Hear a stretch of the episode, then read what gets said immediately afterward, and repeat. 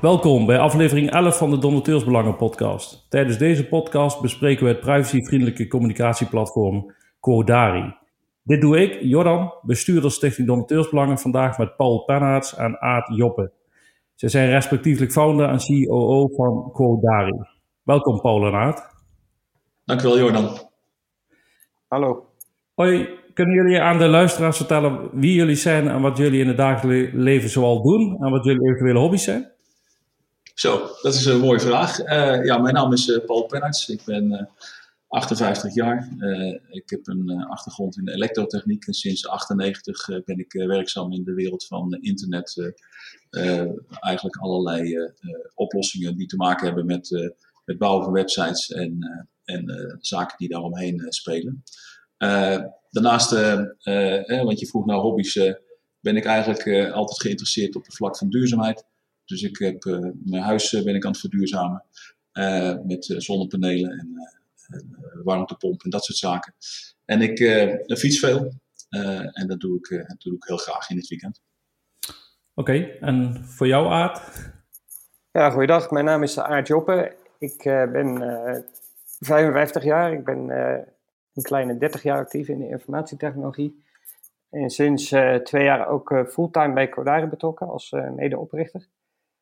Um, mijn hobby's zijn uh, voornamelijk uh, muziek maken. Ik, ben, uh, ik, speel piano, klassiek en jazz. Mijn grote hobby en passie.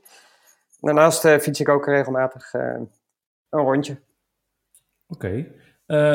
We gaan het dus vandaag hebben over het privacyvriendelijke communicatieplatform genaamd Codari. Kun jij, Paul, aangeven waar de naam Codari precies vandaan komt, waar het voor staat en wat Codari nou precies is? Ja, nou, ik denk dat ik deze vraag uh, even doorpaas naar Aart als de oorspronkelijke bedenker van uh, ons platform. Goed, ik neem die over. ja, Codari is bedacht als een platform waarbij het verdienmodel niet is gebaseerd op het exploiteren van de data van de gebruiker, zoals vele andere platforms dat wel zijn. wij doen dus niks met de data over het online gedrag van de, van de gebruiker. En de naam is een afkorting van het Latijnse codata resides intactus. Wat zoveel betekent als waar data onaangeroerd blijft. Wij doen dus helemaal niets met de data van de gebruiker. En we, ja, ons verdienmodel is uh, gebaseerd op abonnementen van een, uh, van een gedeelte van de gebruikers. Op zich, iedereen kan Codari gratis gebruiken om te starten. Maar je, als je boven een bepaalde grens van opslag gaat bijvoorbeeld, of speciale functies wilt, dan kun je een abonnement nemen. Ja, je geeft aan dat uh, jullie op het platform een privacyvriendelijk platform zijn, uh, waarbij bestaande platformen eigenlijk de privacy van de gebruikers niet waarborgen. Uh, kun je daar voorbeelden van geven? En welke waarborgen heeft een gebruiker van het Codari-platform wel ten opzichte van bestaande platformen? Um, ja, daar kan ik wel iets op zeggen. Misschien is het goed om nog even, even te omschrijven wat we in essentie eigenlijk, uh, eigenlijk doen. En dan kunnen we die vergelijking uh, maken. Dus we zijn eigenlijk een Europees platform voor het bewaren en delen van content in een privacyvriendelijke omgeving. Ons fundament is ook gebaseerd op het niet tracken en tracen en profielen opbouwen en advertenties maken op basis van die profielen. je kan Codari gebruiken als organisatie, als eerlijke communicatiekanaal voor je volgers. Uh, met andere woorden, we laten zeg maar, de data van die volgers uh, onberoerd. Uh, je kan met Codari eigenlijk ook voor organisaties informatie uitwisselen en kennis uitwisselen. Het is een platform om informatie te delen met vrienden en verbindingen in groepen. en het is een digitale grief om foto's, documenten en informatie voor het zakelijk en privégebruik te gebruiken. het is zowel geschikt als te gebruiken op een PC als op, een, op een telefoon. En sinds de zomer hebben we de apps eh, beschikbaar in, eh, in onze app stores.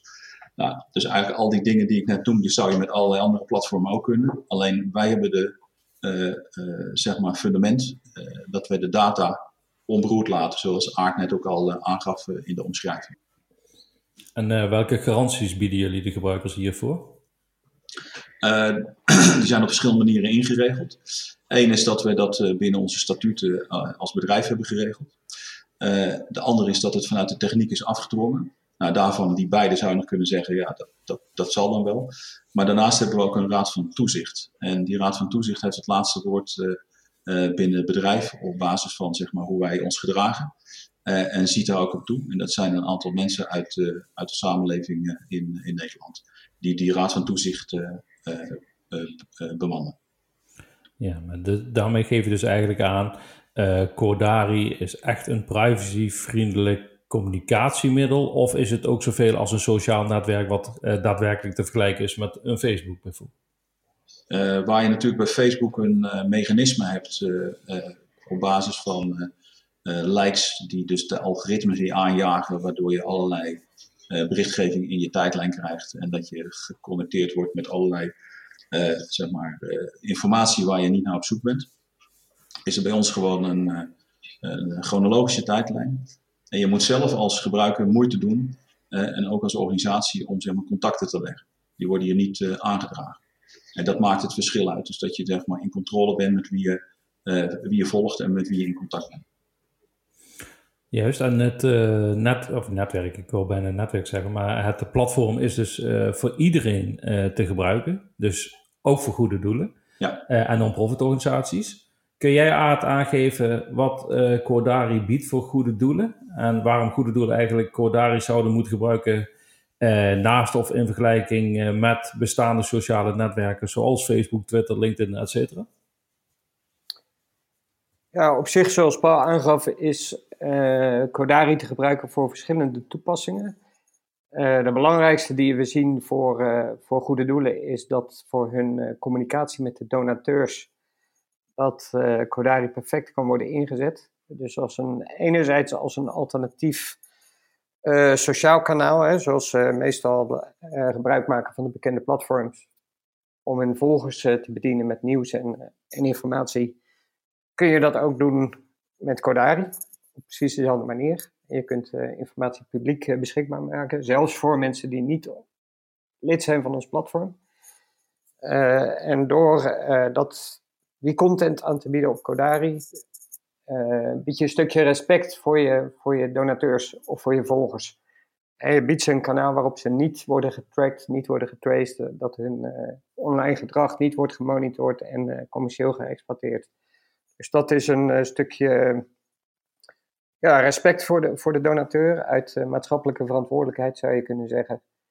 Een maatschappelijke functie die de goede doelen hebben kunnen ze ook een stuk uh, onderschrijven door uh, een alternatief kanaal te bieden naast misschien de sociale kanalen die ze, die ze ook bieden.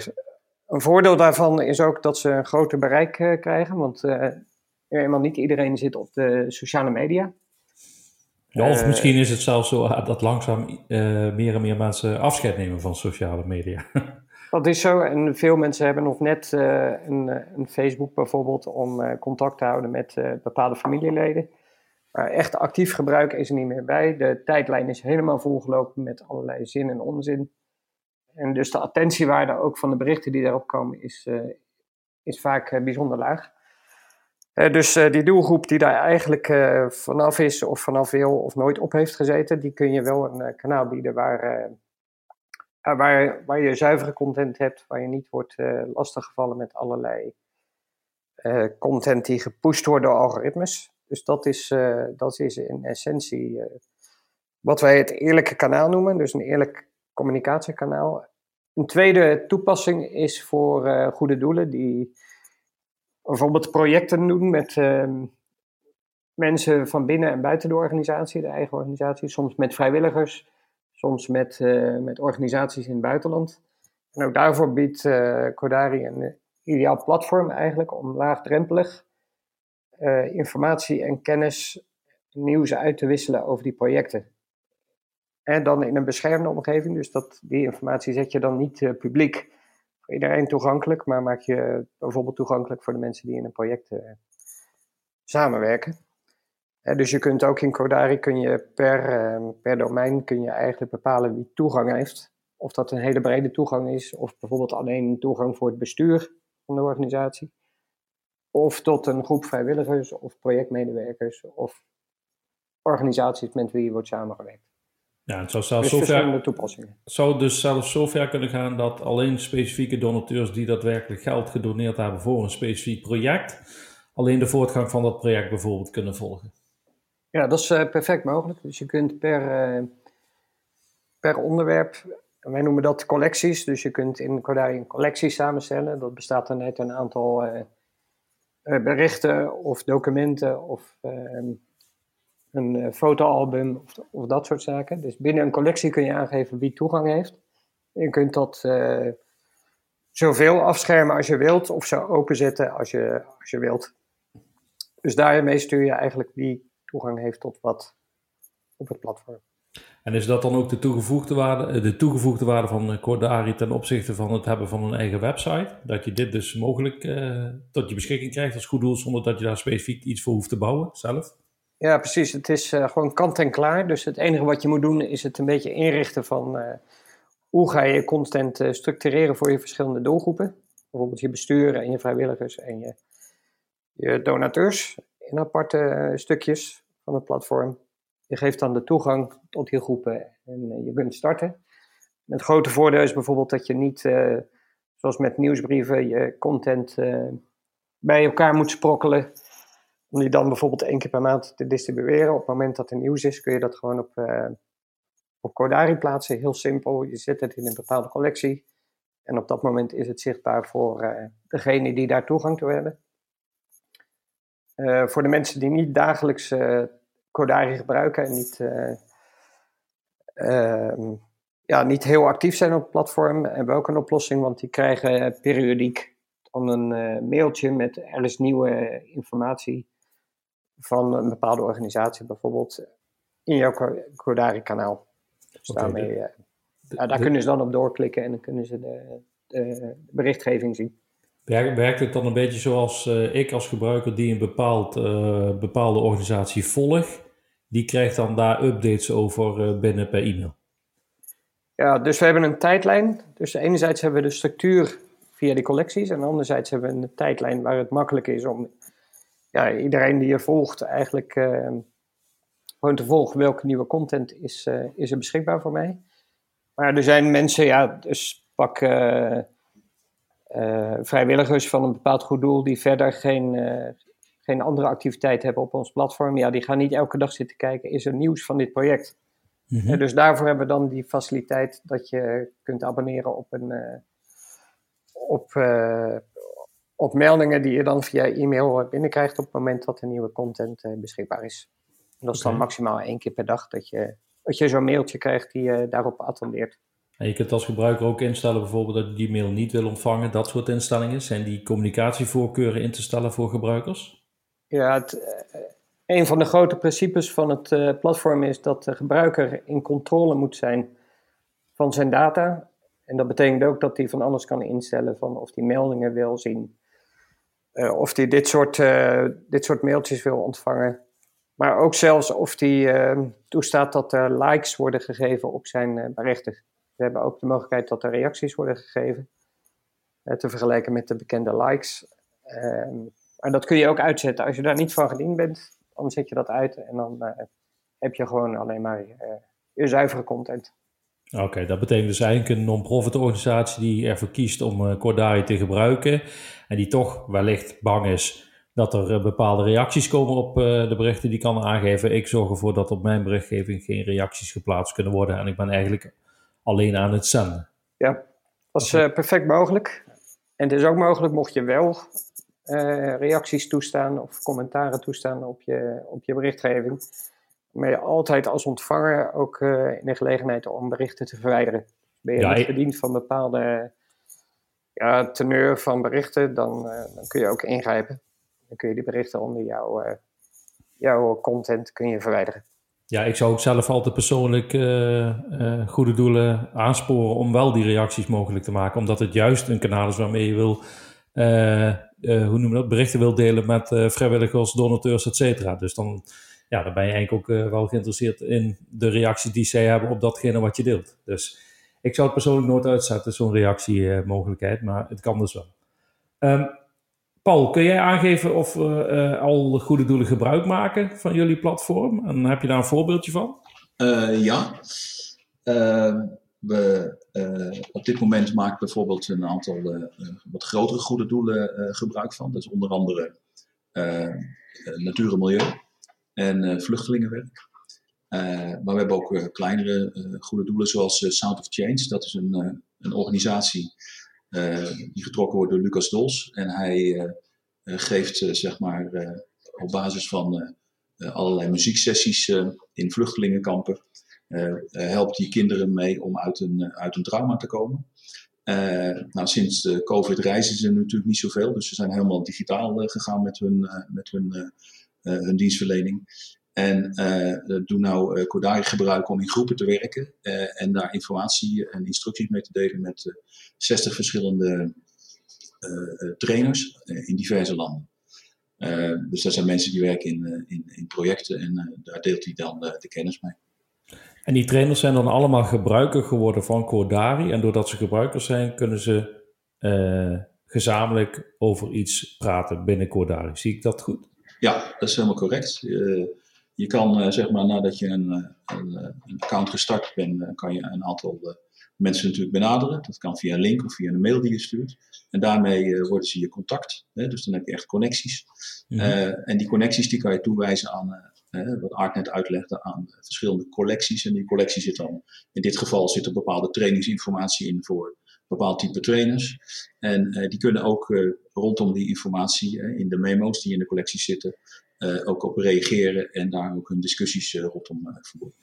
Als ik dan kijk naar onze eigen organisatie, eh, Stichting Donateursbelangen. Wij komen op voor de belangen van donateurs in Nederland. Ja.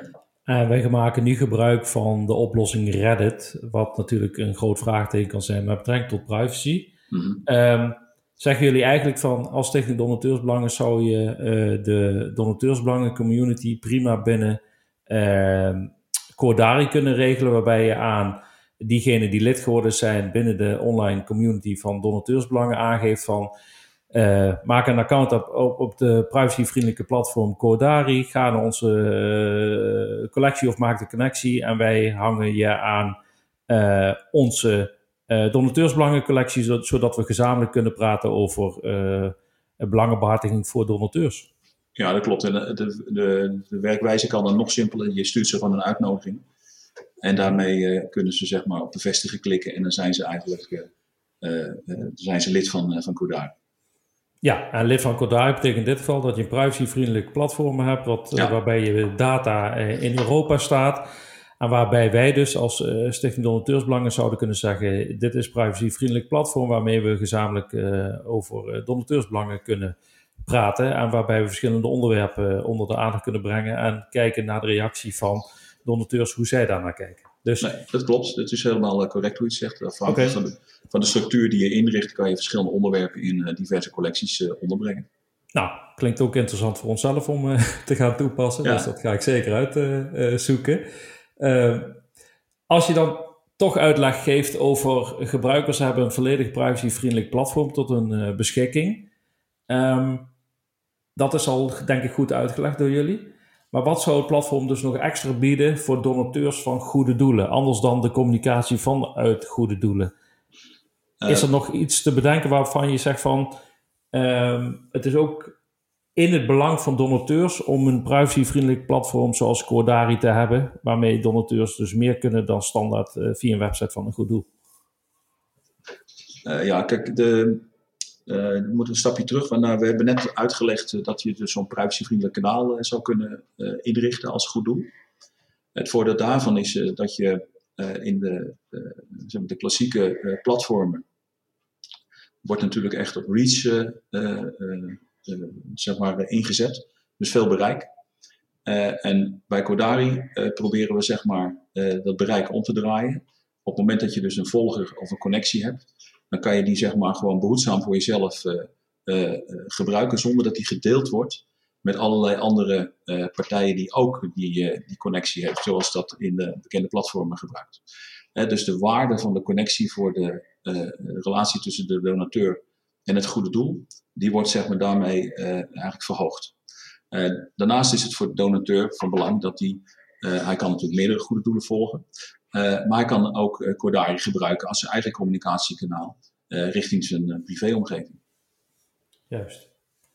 En als je als goed doel hier gebruik van maakt, is het al zover dat je het ook kunt gebruiken als een uh, eigen URL of is het altijd binnen de Codari-omgeving? Uh, uh, die, die vraag die, schuif ik even door naar Aard. Wat, wat sowieso mogelijk is, is dat een, dat een organisatie gebruik maakt van zijn eigen URL, bijvoorbeeld uh, goeddoel.nl slash Codari. En daarmee komt de, ja, de, degene die daar interesse voor heeft, of via die link komen ze op de, wat wij noemen de openbare pagina van een bepaalde ehm, organisatie. Dat is een pagina die voor iedereen toegankelijk is, waarop het nieuws staat wat je, wat je niet achter slot en grendel wilt zetten. Dus dat kan. We hebben ook de mogelijkheid dat wij onder het Codari-domein een, ehm, een specifieke URL hangen voor een goed doel. Dus dan wordt dat van de vorm van goeddoel.codari.com. Dus er mhm. zijn uh, verschillende mogelijkheden om rechtstreeks links te hebben naar, uh, naar die omgeving. Oké, okay, helder. Um, hoe lang bestaat uh, Cordari inmiddels? Nou, we zijn in 2019 opgericht en gelanceerd in het voorjaar van 2021. Ehm, we zijn gevestigd in het, in het Groene Hart in Montfort. En in 2022 hebben we de Privacy Award gewonnen. Daar waren we super blij mee. En nog steeds. En we zijn nu uitgegroeid naar een internationaal team van een man of tien.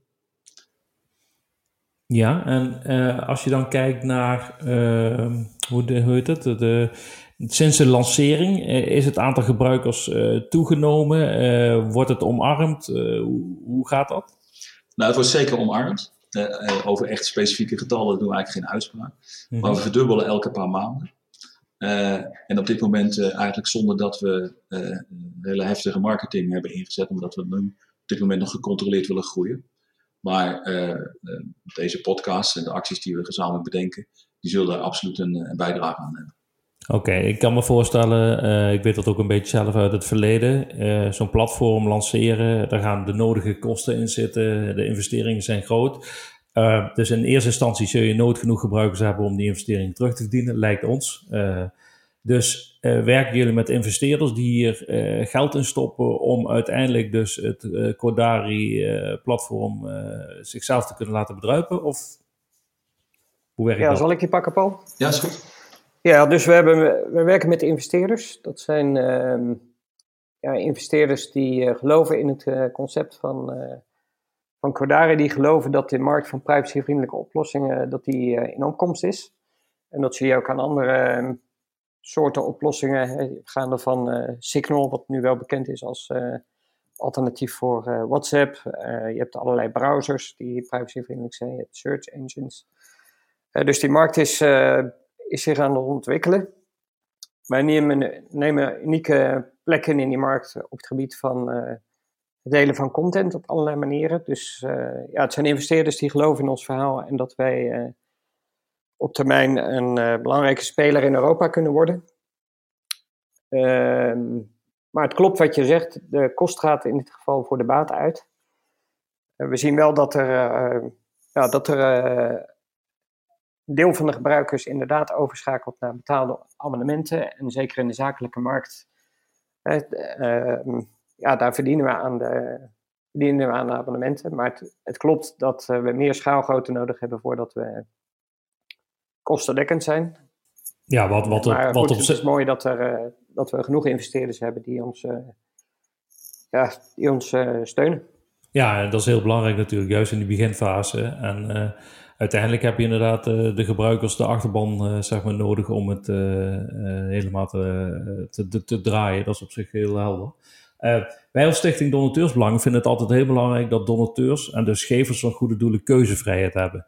Wij vinden er bijvoorbeeld, als je de mogelijkheid biedt dat een donateur kan geven online, dan moet je de keuze hebben uit meerdere betaalvormen. dat zijn voorbeelden. En hoe zit dat eigenlijk met bestaande platformen in vergelijking met Codari? vragen jullie bijvoorbeeld aan goede doelen en donateurs om over te stappen naar jullie platform? Of zeggen jullie van, Nee, je mag ook rustig andere platformen blijven gebruiken, maar je biedt in ieder geval via ons een alternatief. Of hoe kijken jullie daarnaar? Nou, dat is eigenlijk uh, precies hoe je het, uh, hoe je het schetst. Uh, wij willen echt een, een privacyvriendelijke alternatief zijn. We zijn ook we zitten ook in een ander soort categorie. We zitten eigenlijk in de categorie van de privacyvriendelijke oplossingen. Waar heel veel software die gebruikt wordt online natuurlijk allemaal gebaseerd is op, op data, op tracking en tracing. dan vallen wij zeg maar in de categorie privacyvriendelijke oplossingen. Waar ook zo'n Signal in valt, maar ook privacyvriendelijke wifi en privacyvriendelijke e-mail. Ehm, eh, wat wel aardig is om te vertellen, we zijn ook initiatiefnemer van de Privacy Coalitie. Nadat we de uh, Privacy Award hadden gewonnen begin van het jaar, hebben we gezegd van nou, we gaan met een aantal gelijkgezinde partijen een coalitie oprichten om een manifest aan te bieden aan de Tweede Kamer. met heel veel Tweede Kamerleden hebben we gesprekken gevoerd en ze staan eigenlijk allemaal achter het principe dat de, het hele tracken van data en de data privacy van, van de mensen op het internet eigenlijk zeg best wel uh, uh, zeg maar onder druk staat. En dat er veel meer aandacht moet komen aan privacyvriendelijke oplossingen. Hiermee hebben we een manifest aangeboden. En daar hebben we een, een, kopgroep die dat natuurlijk getrokken heeft. Maar daarnaast hebben we ook een groot, een groot aantal partijen, universiteiten, de Consumentenbond, Freedom Internet, noem maar op, die ook de, het manifest heeft ondertekend en achter de missie staat van de Privacy Coalitie. Ehm, wat hiermee proberen te bereiken is dat er zeg maar, veel meer aandacht komt, ook vanuit de politiek. Waar zeg maar, de Kamerleden individueel achter, het, achter het verhaal staan. Is nu zaak dat de staatssecretaris van Huffelen eigenlijk gewezen wordt op, het, op de ontwikkeling die nu gaande is, om er ook stappen in te zetten. Nou, er zijn natuurlijk begin van het jaar vragen gesteld over eh, Facebook en, eh, en het gebruik daardoor door de overheid. Naar aanleiding van wat er in Duitsland natuurlijk eh, heeft afgespeeld. Want daar zijn voor de overheidssites is Facebook verboden. En er is nu een onderzoek gaande en nou, wij hopen dat de uitkomst daar hetzelfde is. Dat de overheidswebsites niet meer voorzien worden van, van de app van Facebook. en dat daar eigenlijk alternatieven gebruikt gaan worden. Dus dat is voor, voor ons een hele spannende ontwikkeling die er nu aankomt. Ja, en wat is het belangrijkste uitgangspunt van die privacycoalitie? Uh, het, uh, het, stimuleren van de uh, privacyvriendelijke oplossingen. En ook het, eigenlijk het, het, het, speelveld gelijkwaardiger maken, waar natuurlijk vanuit de politiek heel erg naar regelgeving gekeken wordt. Want je kan natuurlijk alles zeg maar, blokkeren.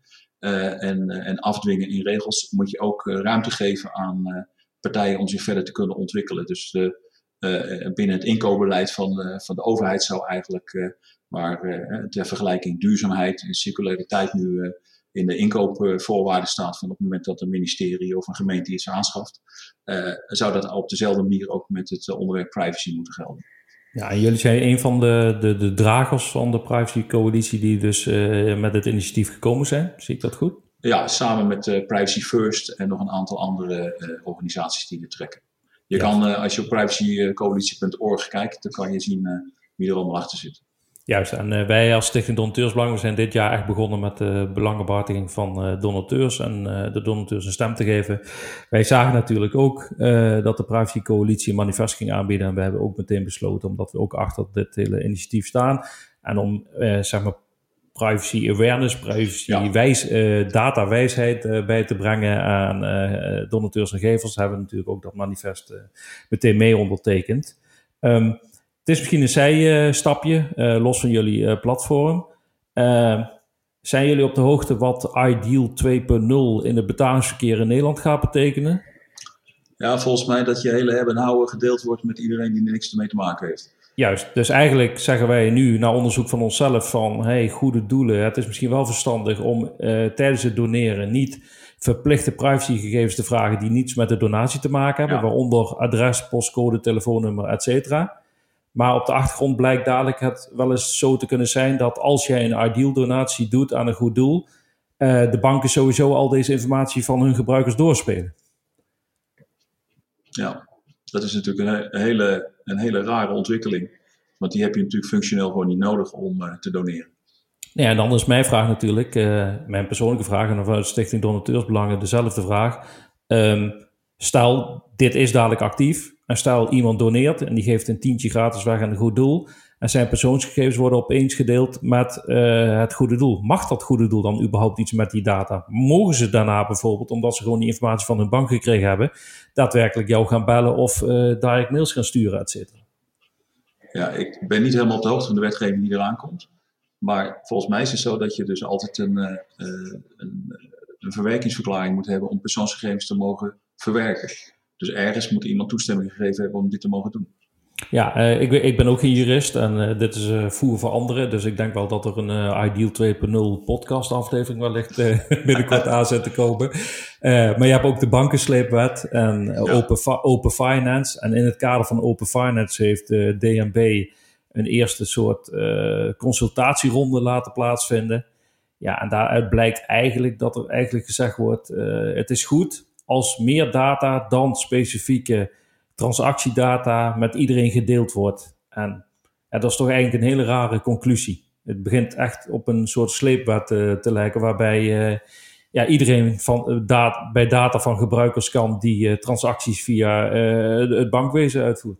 Ja, maar ik denk de, de keerzijde van deze ontwikkeling is dat mensen dus huiveriger zullen zijn om te doneren.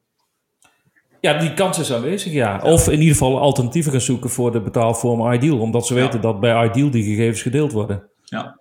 En uh, ja, uh, wij zullen in ieder geval meer en meer informatie delen met donateurs over hoe bepaalde betaalvormen werken en wat daarbij gebeurt op de achtergrond. En wij weten ook nog niet precies hoe het gaat werken, maar het ziet er echt naar uit dat bij Ideal 2.0 transacties, en uh, niemand ziet natuurlijk dat het Ideal 2.0 is, je doet gewoon je standaard donatie zoals je altijd deed. Dus voor een gebruiker aan de voorkant uh, verandert er niets. Maar op de achtergrond is er heel veel veranderd. Want dan blijkt opeens dat bij iedere transactie jouw gegevens gedeeld worden. En de goede doelensector zal altijd zeggen... Uh, ja, dat is toch heel normaal. Het uh, commerciële bedrijfsleven heeft hier ook toegang toe. Dus waarom wij niet?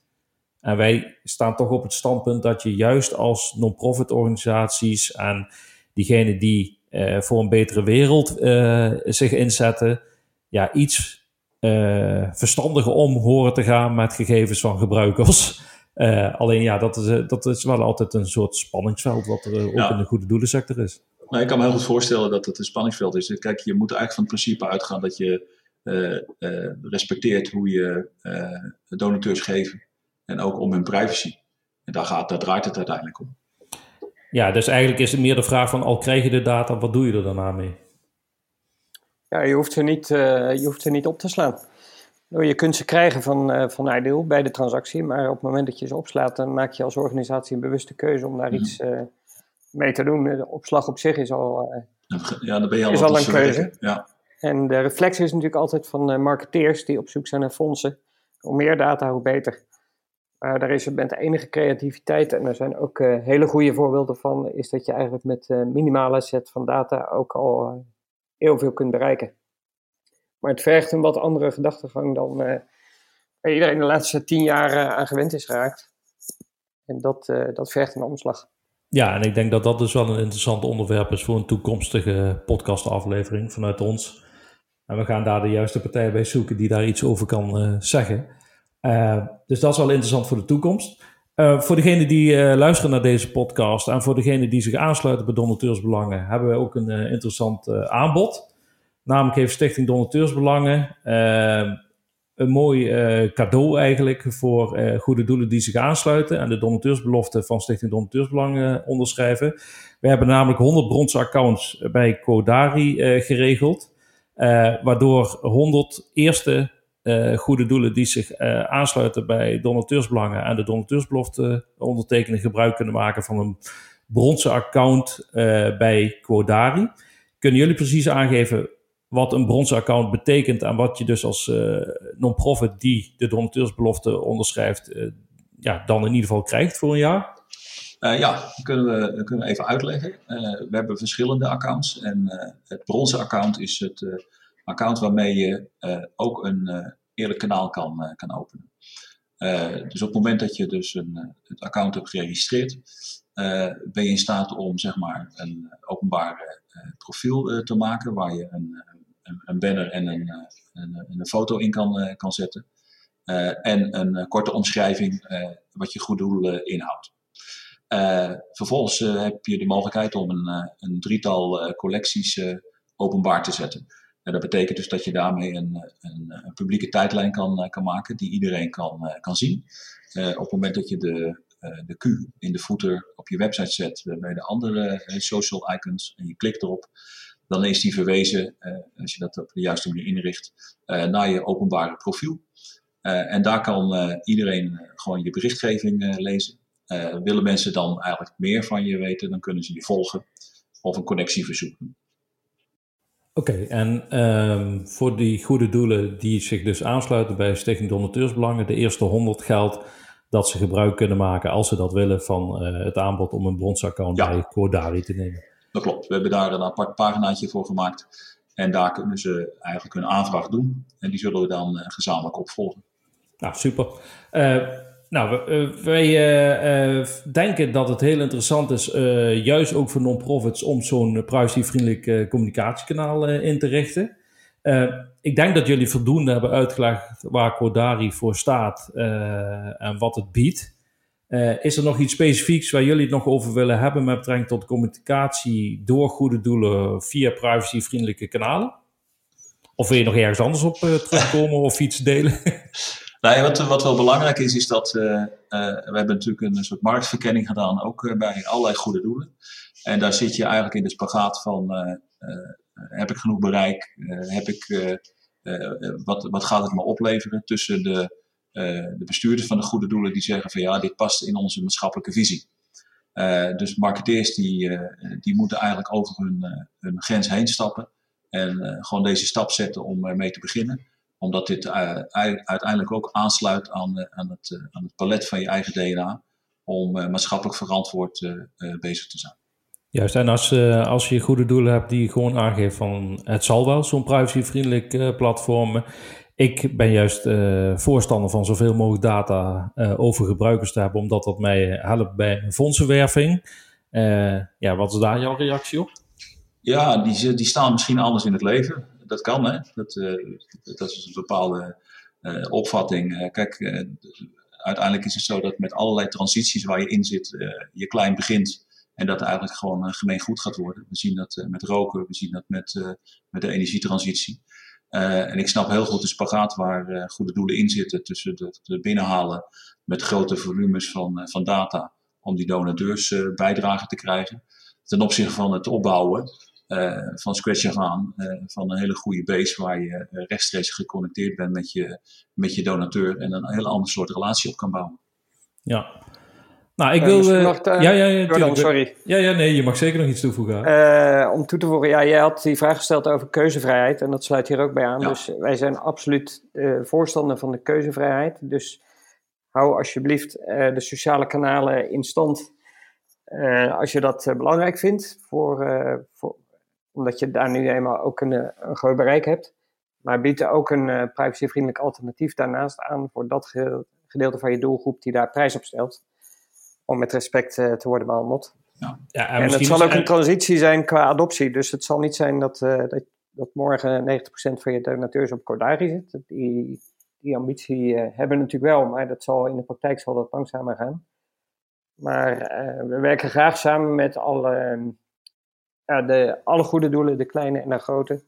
Maar ook met overheden, met, uh, met uh, commerciële bedrijven die maatschappelijk verantwoord ondernemen om die transitie uh, op gang te krijgen.